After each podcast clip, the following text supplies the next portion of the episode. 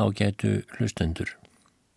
Fyrir missiri eða svo þá las ég í þessari litlu þáttaröð tvísvar sinnum upp úr minningum Úkrænumannsins Viktor Kravtjenkós en uh, hann var ungur maður þegar byltingin í Rúslandi reyði yfir og síðan valdarán Bolsjevíka. Hann varð stöðningsmaður hinnar nýju stjórnar og einn af embættismönnum hennar og dátum, ef svo má segja. En setna snýr hann við blaðinu og flúði til Vesturlanda. Þá skrifaði hann minningar sínar undir heitinu Ég kaus frelsið og ég las úr æskuminningum Kravtjenkós í þessum tveimur þáttum fyrir hálfu ári. Þá var svo komið að byltingin var yfirstaðin, sömuleiðis uh, valdarán Bolsjevíka, þó þeir væri ekki orðnir tröstir í sessi. Og í bænum Aleksandrovsk í Úkrænu, þar sem fjölskyldan bjó, þar gekk ímislegt á. Og uh, þar lauk setni þættinum sem ég las á sínum tíma að Afi og Amma Gravtjenkos sem voru honum afar mikil svirði voru nýlega látin.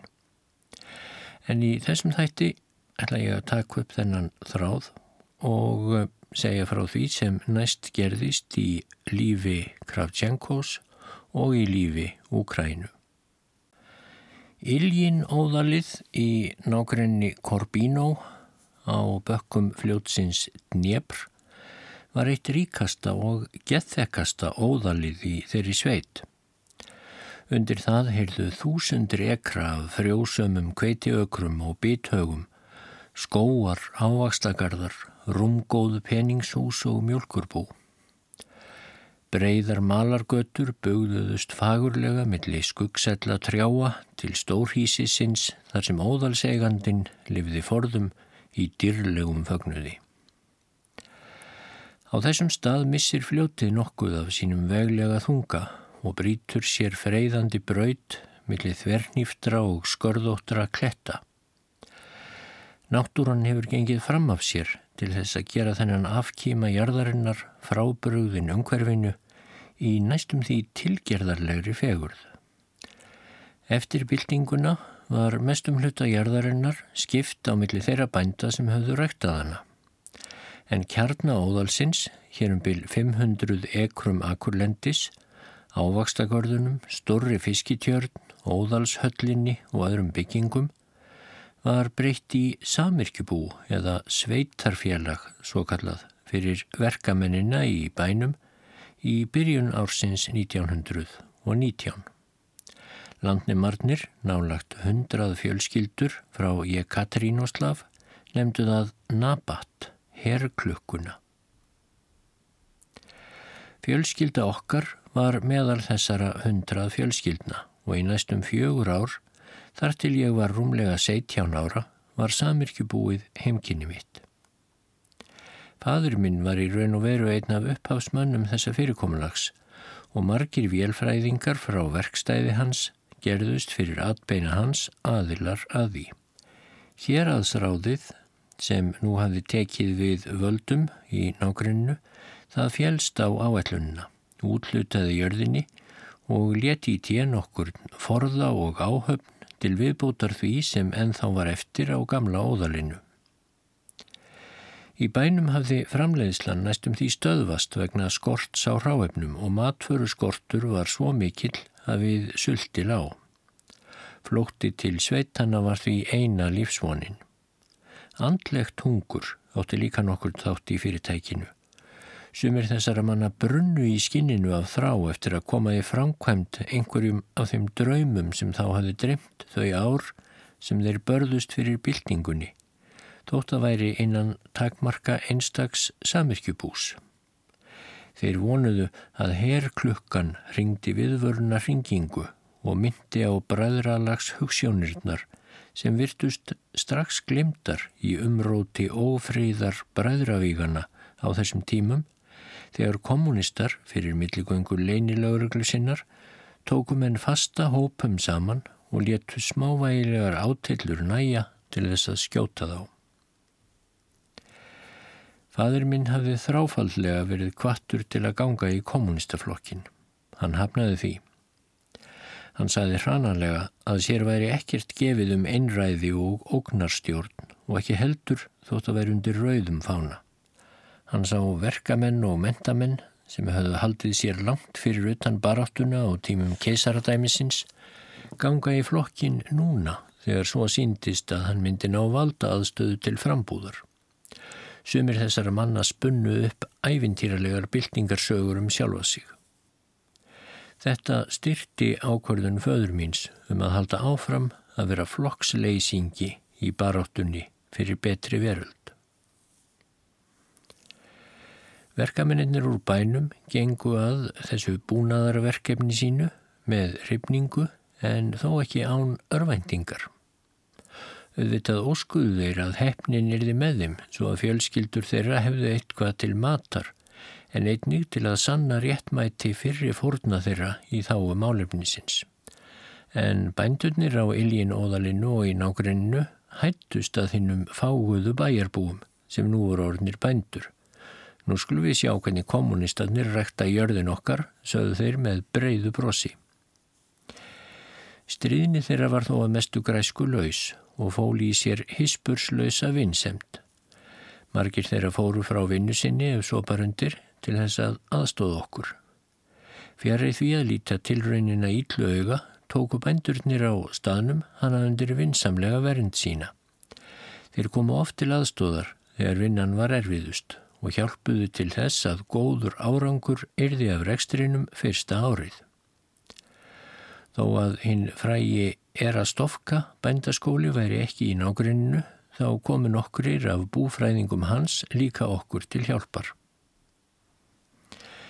Fyrir unglingana var lífið á samirkjubúinu fullt af eftirvæntingu.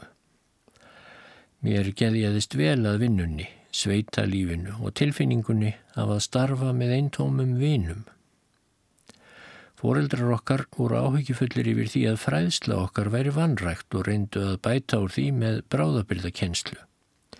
En við unglingarnir tókum engan þátt í óróleika þeirra út af þessu stópölum tómstundum okkar frá erfiðisvinnu, einnum við í sund, fiskveiðar, kappróður, leiki og könnun umhverfisins. Við náttas út til hesta sem mér virtist vera meðfætt, fekk nú næga átrás. Ég varð hægri hönd Gratsjefs, hestamannsins á samirkjubúinu. Ég hafði líka mikinn áhuga á lífi bændanna, eignaðist marga vini meðal þeirra og dvaldist mörg kvöld á heimilum þeirra með drengjum og stúlkum á mínum aldri. En auðvitað var borgarastyrjöldin aldrei í mikilli fjarlagð. Hvað eftir annað raskaði hún lífi okkar og nokkrum sinnum var kennað sjáanlegt en hún bindi endi á þessa tilraun. Við Konstantín bróður minn vorum hreiknir af því að vera nægilega stálpaðir til að taka þátt í þeim vopnuðu varnarflokkum sem fadur minn og aðri ráðamenn höfðu stopnað. Jáfnvel efgin í litli bróður minn læriði að handleika bissu. Ímist brutust rauðliðar eða kvítlíðar og þess á milli ókunnir óaldarflokkar inn á landareign okkar og kröfðust matvæla, ábreyðina og jáfnvel hesta. Vopnastyrkur sá er þeir töldu okkur hafa að því við bættu að við vorum fúsir og að skipta með þeim byrðum þeim sem við gátum án verið, frelsað okkur þó frá alvarlegum ránum. Eitt atvik hefur grafið sig óafmáanlega í minni mitt. Morgun einn var ég að geta hesta og beit á hæðun okkurri þar sem útsýni var gott í allar áttir. Á að gíska 200 ríðandi menn aðalega kósakkar og aðrir kvítlíðar, þeistu skindilega frá þjóðveginum, þvert yfir kveitiakra okkar í áttina til fljótsins. Þeir voru eldir ákaflega af miklu fleiri rauðliðum. Þegar rauðliðarnir höfðu inn í króað kvítlíðana, svo að þeim var ekki undankomu auðið, þá köstuðu þeir sér af klettunum út í fljótið sem þeir reyndu að synda yfir en rauðliðarnir komu vélbissum sínum fyrir á klettabrúninni og drápu flótamennina, svo að segja alla. Tæpum mánuði síðar var þessi atbyrður endurtekinn, næstum því lið fyrir lið, með þeirri einu breytingu að nú voru það rauðliðar sem hraktir voru nýður klettana og skotnir nýður hverum sig þegar þeir reynda að komast yfir á hinn fljótsbakkan. Við urðum svo vanir að finna lík sem skólað hafði upp á fljótsbakkan í landi okkar að við vorum hættir að minnast á þess áttar atvik. Undir kvöld, dagun okkur, eftir að við höfum bjargað fyrstu uppskeru í hús, vorum við Gratsjefstattir í einu hestúsana þegar langur bondavagn sem dregin var af tveimur hestum kom í ljós. Í honum voru fjórir karlmenn og ein kona. Mennirnir og hestarnir voru þaktir storknuðum svita og óhreinindum. Aftan til í vagninum var komið fyrir hríðskotabissu. Konan sem virtist verum þrítugt og var laglega á að líta var klætt í búning hjúkrunnarkvenna. Einn af mönnunum var í venjulegum föttum, tveir í einkennisbúningi hinnar nýju og þegar alræmdu leinilauruglu kommunistastjórnarinnar. Sá fjörði, stór og klunnalegur náungi var í einkennisbúningi sjóliða. Maðurinn í borgarabúningnum kynnti sig sem Líhómanov, sami maðurinn sem fyrir átt að liggja sem formanni héraðsráðs í Katarínoslav að verða valdamaður í okkar sveit setna. Hann sagði að sveit kvíliða væri á hælunum á þeim og þau yrðu að fá óþreytta hesta til þess að koma stundan. Engin tími væri til að ráðkast við neitt en ef við vildum fá hesta okkar aftur þá getum við komið með þeim til Kamenskogi. Við fjallumst á þetta og vorum brátt sjö í vagninum.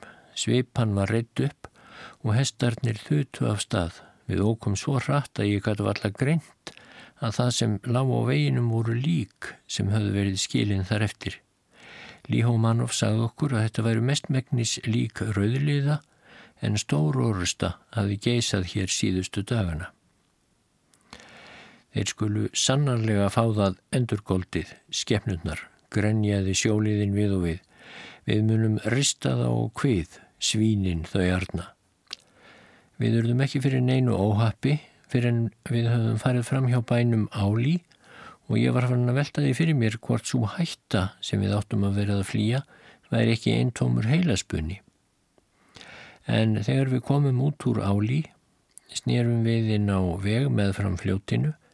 Við höfum þá ekki 10 eða 15 mínútur þegar við heyrðum hófadín þeysandi rittara langt fyrir aftan okkur og okkur varður ljóst að um það byrj tilt manna eldi okkur. Við heyrðum að þeir hrópuðu og vissum á þess að heyra orðaskil að þeir skipuðu okkur að nema staðar. Sjóliðin okkar bölvaði hraustlega, hljópaði hríðskotabissinu og byrjaði að skjóta. Við sáum nokkra af þeim sem eld okkur, detta af baki. Þeir sem eftirlifðu ákáðu sínilega að hætta eftir reyðinni. Við komumst til Kamenskogi um kvöldið og fórum inn í lítið hús þar sem Líhómanov var sínilega kunnugur. Þú getur sofið í sama herbergi og hjókrunarkonan, saðan við mig, þú ert svo ungur. Gratsjev og sjóliðanum sem átti að skiptast á að halda vörð um vagnin og hestana var vísað til næsta herbergis við okkur. Ég fór út til að gefa hjógrunarkoninni tækifæri til að hátta, afklættist síðan í myrkrinu og steinsofnaði bráðlega. Það hlýtur að hafa verið nokkrum klukkustundum setna sem ég vaknaði við háfaða og æsta rattir. Þegar ég rangaði við mér, heyrði ég hálf kæft og æst óp hjógrunarkoninnar.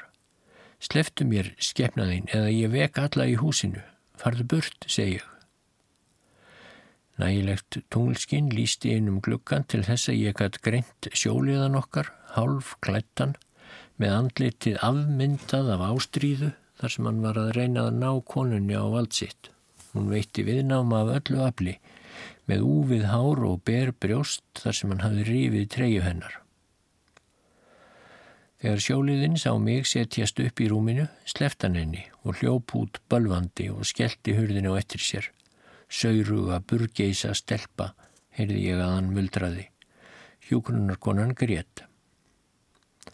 Svona menn, svona hræðilegir menn, snögt hún, og svona lagað verðum við að notast við til að framkæma byltinguna. Ég var næstum því eins gramur og hún og bauðst til að kalla á Líhómanov og hinn að mennina. Nei, við skulum ekki raska ró Líhómanovs, sagði hún. Hann hefur nægilegar áhyggjur samt. Hann er einn af þeim réttu, raunverulegur hugssjóna maður. Hvorugt okkar sopnaði aftur. Við töluðum saman, eða réttar sagt hún talaði og ég hlustaði það sem eftir var nætur.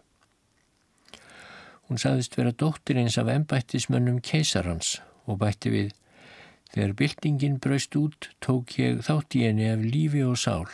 Alla mína æfi hef ég elskað óbreyttan almúan og langað til þess að hjálpa honum. Það var hans vegna að ég sagði skilið við fjölskyldu mína og fór á námskeið í læknaskólanum í Kharkov. Nú er ég í leinilörglu liðinu. Mér fellur ítla margt sem þeir gera en mitt starf er að lækna, ekki að skjóta. Við megum ekki missa trúna eða linna þeirri baráttu sem þúsundir ærlegra manna stjórna, menn eins og Líhómanov, þótt því miður séu líka til saurugar og dyrslegar skeppnur eins og maðurinn sem réðst á mig í nótt. Fyrir hvert óþokkabragð eins og þetta er hægt að benda á hundrað afrygg sem unnin hafa verið. Hún saði mér í trúnaði að ofbeldismadurinn væri ekki einu sinni raunverulegur sjóliði. Hann hefði fundið einkennisbúningin einhver staðar og klættist honum að því að það jók álit hans sem byltingarmanns. Þegar við Gratsjef riðum aftur heim um morgunin, sagði ég honum hvað gerst hefði um nóttina. Gratsjef var venjulegur verkamaður og skildi aðeins fátt eitt af því sem við bar í landi okkar en þess sem hann sagði þann morgun hef ég haft ástæðu til að minnast árin sem hann á eftirfóru. Já, vitja, sagðan, hjúgrunarkonan hafði rétt fyrir sér. Það er bæði gott og ílt í byltingunni eins og öllu öðru. Spurningin er, hvorir verða ofan á þegar rók kemst á eftir byltinguna, heiðarlegu mennirnir eða skefnurnar, menn eins og Líhómanov eða einhver gerfi sjóliðin. Nú, þegar okkur lág ekkert á, gáttum við aðtúað líkin sem við höfðum farið fram hjá kvöldið áður. Sem staðar voru ný orpnir moldarhaugar þar sem nágranna bændur höfðu grafið sum líkin. Mörg líkana voru nakin og aðeins fá þeirra í stígvélum. Náurinnir höfðu verið rændir til að klæða þá sem eftir livðu. Við lok annarar uppskeru samirkjubúsins, höstið 1920, þá fengum við Konstantín engöngu í Erafstovka bændaskólan í bænum Komisarovka. Skólinn var stopnaður og vel úr gardi gerður fyrir einum mannsaldri af Erastus Brodski, ríkum jarðeiganda í sveitinni. Hann lagði undir skólan hluta af jörðsynni og reisti falleg stórhísi á hæð með útsýni yfir indislegt vatn. Byggingarstýl sömra húsana var gerður eftir fyrirmyndum frá gömlum úkræinskum herragörðum. Þar voru landslagsmálverk eftir fræga listmálara, fagurt tíklaskraut sem síndi efni úr þjóðsögum og auðvitað nýjustu gerðir innfluttra landbúnaðarvela. Skólinn hafði orðið fyrir miklum skemdum meðan hann var í höndum skemdarvarga. Sumt af byggingum hans og svefnsölum var svo eðilagt að það var ónóthæft með öllu. Húsgögn og jafnvel bjálkar úr veggjum og loftum hafði verið notað til eldsneitis. Vélarnar voru óskaplega úr sér gengnar. Mestur hluti hins fræga erastofka kveikfénaðar hafði dreifst en heiðurspenningarnir sem kveikfjenaðurinn hafi hlotið á síningum í Vínarborg og Prag voru enn til sínis. En margir af gamlu kennurunum gengdu enn ennbættum sínum þrátt fyrir allt og nýjir bættust við. Svo um það byl 600 nefnendur hvaðan æfa á Rúslandi stunduðu nú nám þar og ráku nýtísku búskap þrátt fyrir mikinn skort á matvælum og öllum efnisvörum.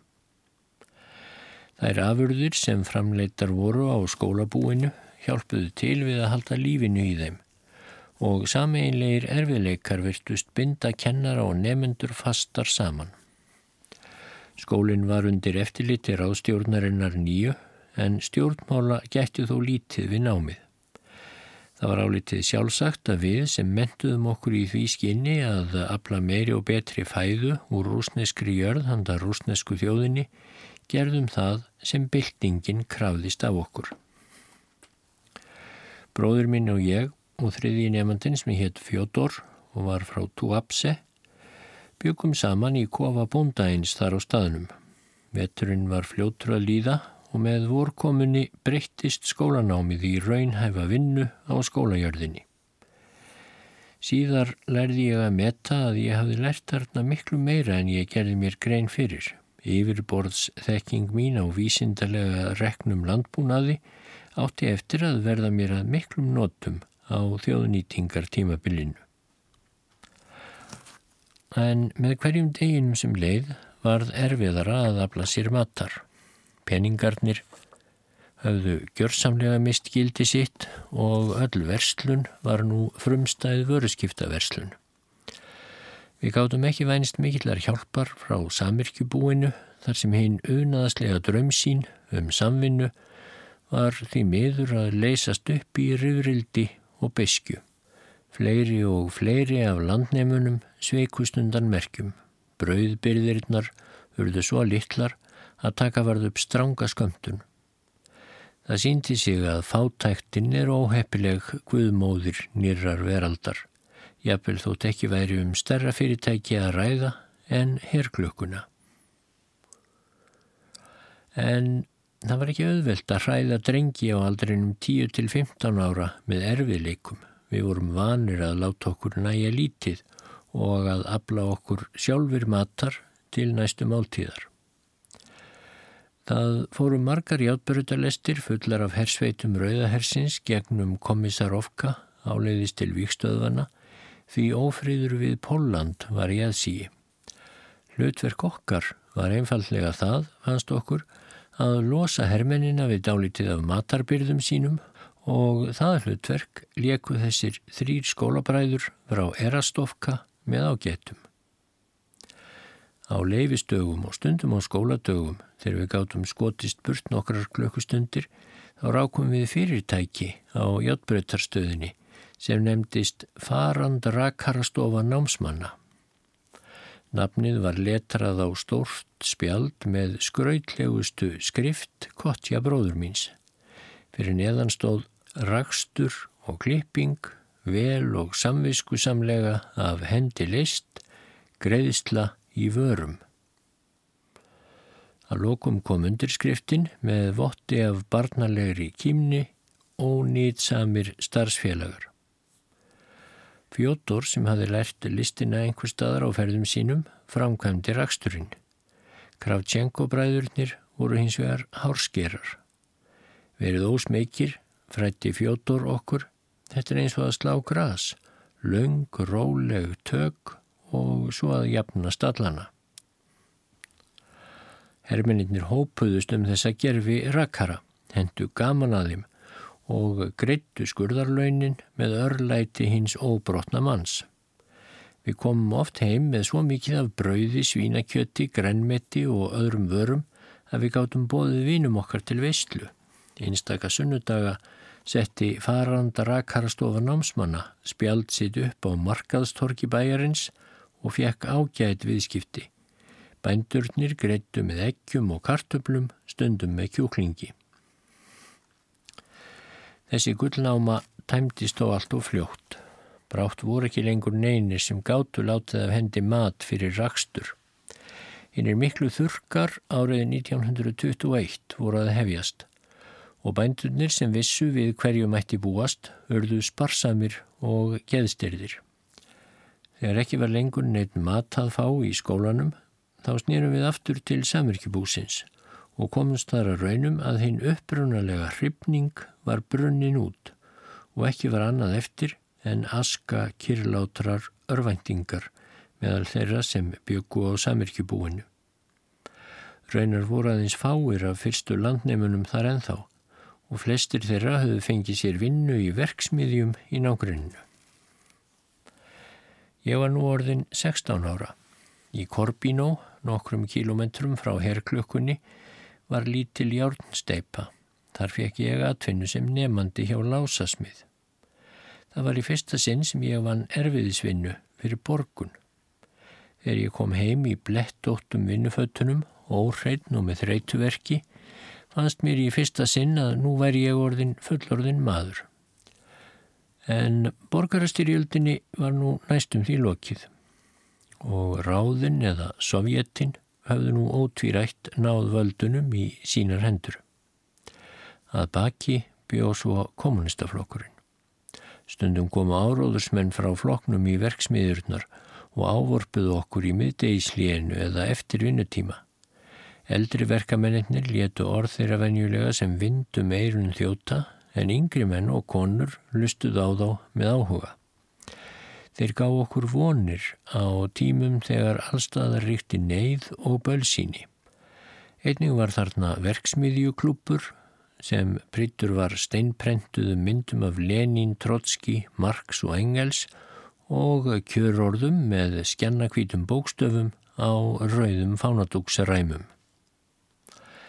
Ég hlustaði með áhuga á ræðumennina frá aðalstöðunum og hleyfti ég vel kjarki í mig til þess að bera fram spurningar Framtíðar lovorðin voru enn meira freistandi vegna neyðar ástands þess sem ríkti. Ég var í svo litilli klípu milli vantrúarinnar sem ríkti heima hjá mér og trúarlöngunar minnar. Ég skildi vel mótbárur föður míns gegn hinnum hörkulegu kommunista aðferðum stjórnarinnar en eftir því sem tímin leið fannst henni ungu skinnsemi minni að hann væri of strángur í digðsynni, að hugssjón hans væri óneitanlega orðindaldið úreld.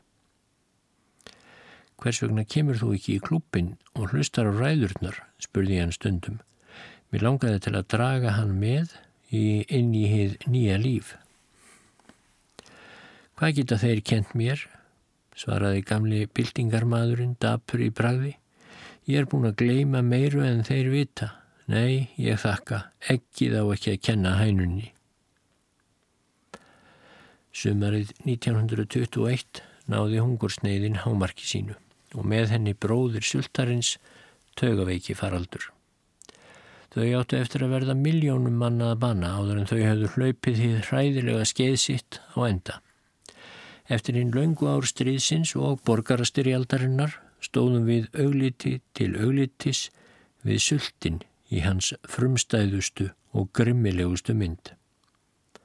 Miðbygg þurksins var um hverfis volku en hann tegði gráðuga náfingur sínar vestur fyrir Dnjepr. Svæðið þar sem eh, hungursneiðin var mest var að mestuleiti heið sama og aðal vývöllur borgarastyrjaldarinnar. Það var eins og jörðin hefði gert uppreist gegn hinnu langvinna blóðbaði. Engin orð fá líst þjáningunum eða skelvingunni. Menninni líti á allt sem lífsanda dró, hesta, hunda, ketti, uppóhald stýr heimilsins með gráðugri örvendingu. Sá fjenaður sem ekki var slátrað dóur sulti og var getinn þrátt fyrir ofinberar aðvaranir um farsóttir menn flísjuðu börkin á trjánum til þess að sjóða úr honum te eða súpu. Fólk lagði sér til munns óverkuð skinn. Síðustu stráin og blöðin á engjunum voru tínd. Oftar og oftar heyrðust frásagnur um bændur sem átu lík ástveina sinna og því miður voru þær sögur víst oft sannar. Ég þekkti dæmið þessi Romanokófu Áli, Panovka og öðrum sveitaþorpum í nákvæminu. Dauðin, hinn uppþemdi, nábleiki, viðbjóðslegi dauði var daglegur gestur. Við vorum allt of önnum kapnir í viðleitni okkar til að halda lífi í sjálfum okkur, til þess að taka eftir eða í raun og veru að fást nokkuð um aðra. Góðir menn sem undir venjulegum kringumstæðum gátt ekki hort upp á þjáningar annara, þeir grófu nú matsinn í jörð til þess að lengja sitt eigið líf um nokkrar vikur eða mánuði án þess að hugsa um nágranna sína sem þemdust upp og dóur hungri umhverfist þá. Ég, ég var sterkbyggður og hraustur og þurfti lítið til að halda í mér líftórunni. Á samt öðrum dreng á samirkjubúinu sem Senja hétt fór ég með játbrutarlest í norðurátt til Poltava til að útvega mat. Við tókum með okkur allt sem hugsanlegt var að tekiðir því í skiptum fyrir eitthvað ætilegt, gamlan fatnað, silfurskeiðar, staka skrautgripi, bursta og annur heimilistæki Peningar hafði ekki lengur neitt gildi en vöruskipti var hægt að hafa ef hefnin var með. Eftir nokkru daga komum við til bæjarins Prílúki og ákvaðum að freysta gefinar þar. En aðrir menn voru komnir þangað hundruðum saman í sömu erindum og samkeppnin var mjög hörð. Við stóðum allan daginn á torkinu með fátæklegar byrður okkar breyttar á jörðina til sínis og báðum bændurna að rannsaka þessa dýrgripi. Á kvöldin fórum við til sveitaþorpana og gengum hús úr húsi. Það hjálpaði okkur að við vorum báðir ungir og líka það að ég gætt talað við bændurna á þeirra úkrænska máli. Á degi hverjum komum við einhverju út, þrátt við allt, og sáum sekki okkar fyllast af havramjöli, kveiti, ertum og bönum. Það var engum vandkvæðum bundið fyrir okkur að fá húsaskjóla og nætturna hjá bændum. Allra síst ef við snýrum okkur til stúlkna á okkar reki. Í staðin fyrir ringi og ódýrar brjóstnælur tókst stúlkunum að grafa upp salt, síkur, sólblómafræjólju, saltað svínakjött og aðrar munadarvörur. Við senja vorum hamingjusamari en nokkur viðskiptajöfur sem hefur gengið frá samningi um viðskipti fyrir 10 miljón dollara og við snýrum aftur heim með margra mánada viðurværi handa fjölskyldum okkar. Lestinn var tróðfull af mönnum, konum og börnum sem voru á leið heim til hungursvæðana með dýrmæta poka og pingla. Við þorðum ekki að loka augunum af óta við að verða rændir. Sendum kvöld Við eh, Snamenga stöðina skipuðu hermen og vagnstjórar öllum að fara út úr lestinni. Við vorum rekin inn í byðsal sem þegar var orðin fullur af óhamingjusöfum fólki. Engin hafði hugmyndum hvers vegna lestin hafði verið tæmt. Allir býði eftir annari lest með þólinnmæði skeppnunnar, þólinnmæði sem sköpuð hefur verið af langvinnum þjáningum og sljófguðum skilningarvitum. Þegar lestin kom, tók staðins þeim sterkustu og fljótustu að komast upp í hana. Við senja verðum að býða. Eina ljósið í óreinum byðsalnum kom frá kveik sem dýft hefði verið í ólju.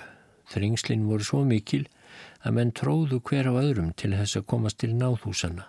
Hér og þar grétu börn, brjóstmilkingar, sugu, tóm, brjóst Út í einu horninu lágu maður og kona í ástríðu fullum faðmlögum á þess að skipta sér af klúri gletni þeirra sem hjá þeim stóðu. En það sem aðtikli þeirra sem enn hafðu einhvern neista af áhuga á öðrum beindi stað var ung kona sem veinaði eins og skeppna sem verið er að slátra. Aðrar konur ruttu rúm umhverfis hana, karlmenn komu með vatn í föttum og fólkið glemdi baráttu sinni við sultin í uppnáminu við fæðingu nýs lífs. Veiklulegt kjökur nýfæts barns bóðaði að kraftaverkið hefði gerst og fólkið sökti sér aftur niður í áhyggjur sínar. Um morgunin sá ég móðurina liggja á óhreinu stöðvargólfinu. Andlit hennar var föllt og blóðlust og hún hafði óreinan poka undir höfðinu. Nýfætta barnið sem var sveipað í tötra láfið brjóst hennar. Barki minn herptist saman af meðungun.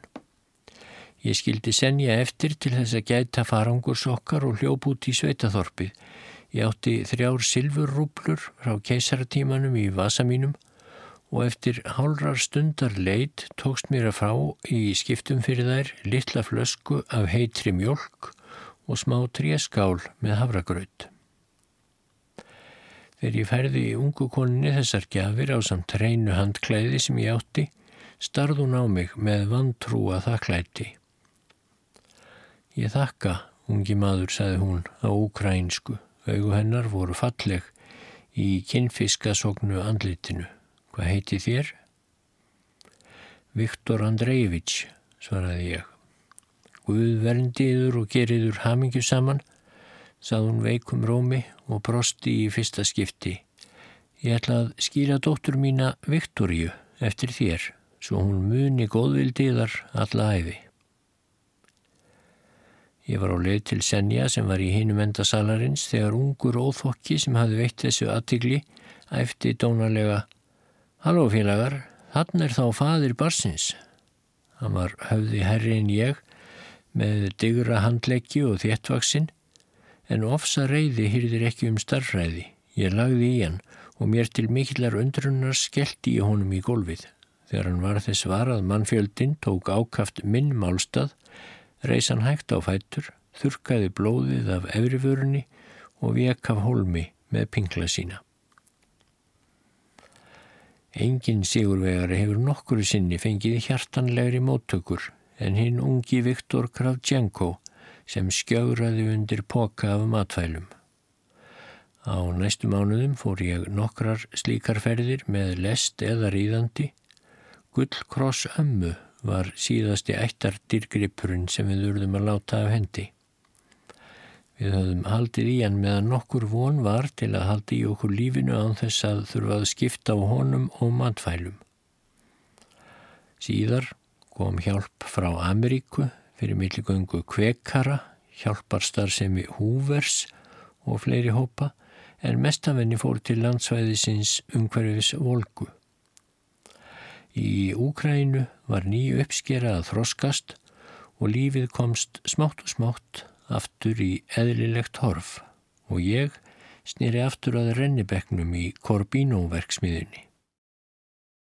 Ой, у лузі червона калина похилилася, чогось наша славна Україна зажурилася.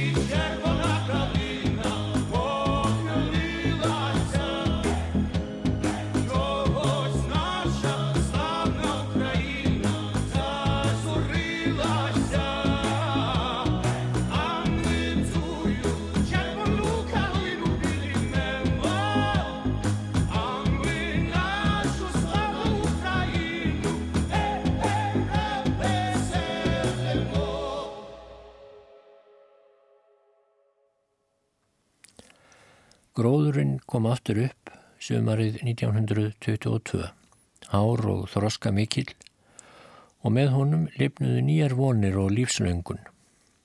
Hinn er dánu, þeir skiptu miljónum, en þeir voru grafnir og með eins konar þögglu samþykki myndist enginn framar á hörmungarnar.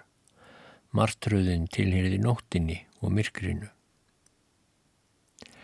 Trén í aldingarðinum á herklökkunni svignuð undir ávöxtunum, berinn urðu stór og safamikil, tjörnin fylltist af fiski og eh, andvarinn frá dnjepr, hýfði gullið hár kveitjagrana. Aftur söng kór úkrænskra stúlkna heillandi söngva meðan þeir unnu við uppskeruna. Það var eindælt að vera næstum 17 ára, vera farin að vaksa grön og fara skindilega hjá sér í návist ungra stúlku sem maður hefði ekki einu sinni tekið eftir í gær. Ákvörðun mínum að verða námuverkamaður stóð einhvern veginn í sambandi við þennan gróanda nýs lífs.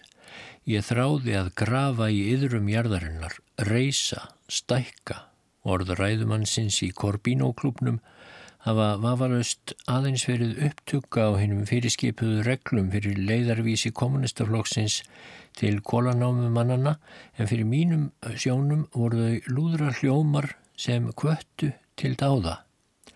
Félagar, saði ræðumadurinn þetta kvöld, snemma um haustið, land okkar þarnast kóla, málma og olju. Lausnarorð framtíðarinnar er að allir þýð sem berið í brjósti ást til byltingarinnar verðið að fara til verksmiðjana og námana. Ráðstjórnaríki okkar þarnast sterkra verkamanna handa. Til dæmis er þörfa á þúsundum manna í kólanámurnar í Donetsk-dalnum. Við vinnirnir, Senja og ég, litum hvora annan. Við vissum á þess að segja nokkuð að við höfum báður tekið sömu ákverðunina. Þegar ég sagði frá því heima að ég ætlaði að fara til Donetsk og vinna í kólanámunum varð fadir minn hryggur, móður minn grétt og myndi mig á að ég væri aðeins drengur og mér myndi gefast nægur tími setna til að vinna. En þau reyndu ekki að stöða mig. Í marga daga vann móður mín að viðgerða á föttum mínum og bjó vandlega um þau. Við vorum sendir í námu á Alkefsk svæðinu í námunda við Algerovka. Það var eitt af eldstu kólasvæðunum í Donetsk en nú var unnið á miklu stærra svæði en áður. Við sváfum fyrstu nóttina í laungum dimmum brakka þar sem mörg hundruð manns sváfu á hörðum rúmfjölum í hillurúmum. Óþefurinn af hennum mörgu líkumum, gömlum mat og slæmur tópaki var næstum því óbærilegur. Þó nokkrir kólugir námumenn spiluðu á skítug spil og bölfuðu hjartanlega í skímu frá kólu. En drenginir tveir frá Dnjepur Þreyttir eftir langa ferð í tróðfullri lest sváfu værum svefni. Þegar við vöknuðum um morgunin uppgötuðum við að töskunum okkar hafði verið stólið og við áttum því ekki annað eftir en óhrein ferðaföttin sem við höfum sofið í á leiðinni. Ekki batnaði skapið við að ganga um námubæin og skoðan. Það var ekki annað en ein laung og dimm gata með fram skúrum sem voru komnir að hruni og nýjum ómáluðum bröggum. Allt var þakkið svörtu kólariki. Draumurunum að vinna að eblingu sósialismans með eigin höndum fjaraði fljótlega út og það fóru margar vikur í að endur nýja dálitið af þeim áhuga sem við höfðum í byrjun. Senja var vísað til verks í einni af námunum langt inn í eikarskógi en örlög mín voru önnur. Vegna skorts á mönnum sem voru læsir og skrifandi lagði starfsmæður verkalýsfélagsins fast að mér að takað mér vinnu í einni stjórnarskrifstofunni. Draumurinnum sjálfan mig sviblandi haka með námu lampa spentanum ennið listist upp í veruleika þar sem ég sviblaði pennaskafti og reikningskvarða. Fyrstu mánuðina bjögum við í einum af þessum stóru skítugu skálum sem nýliðunum var hrúað í. Setna fengum við til afnota eitt herbergi í einu af smáhúsunum sem fastir starfsmenn voru til húsa í. Þegar ég hafi vanist kólareikinu og þessum frumstæðu lifnaðarháttum þá var þessi nýja tilvera bara fjölbreytt og jafnvel skemmtilegi mínum augum. Ég var þarna í miðri veröld sem var eins konar þverskurður eða sínishortna sapn af þeim kynþáttum og þjóðflokkum sem mynduðu ráðstjórnaríkin. En lífið í brökkunum var ruttalegt og oft herfilegt. Menn drukku vodka í stríðum ströymum og lendu í orðanheppingum og riskingum undir áhrifum þess. Sumir námumannana spyðluðu fjárhættuspil og nakk rifust um hinn fjárstæðustu málefni. En hvernig gekk að skapa hérna nýju veröld ráðstjórnaríkjana?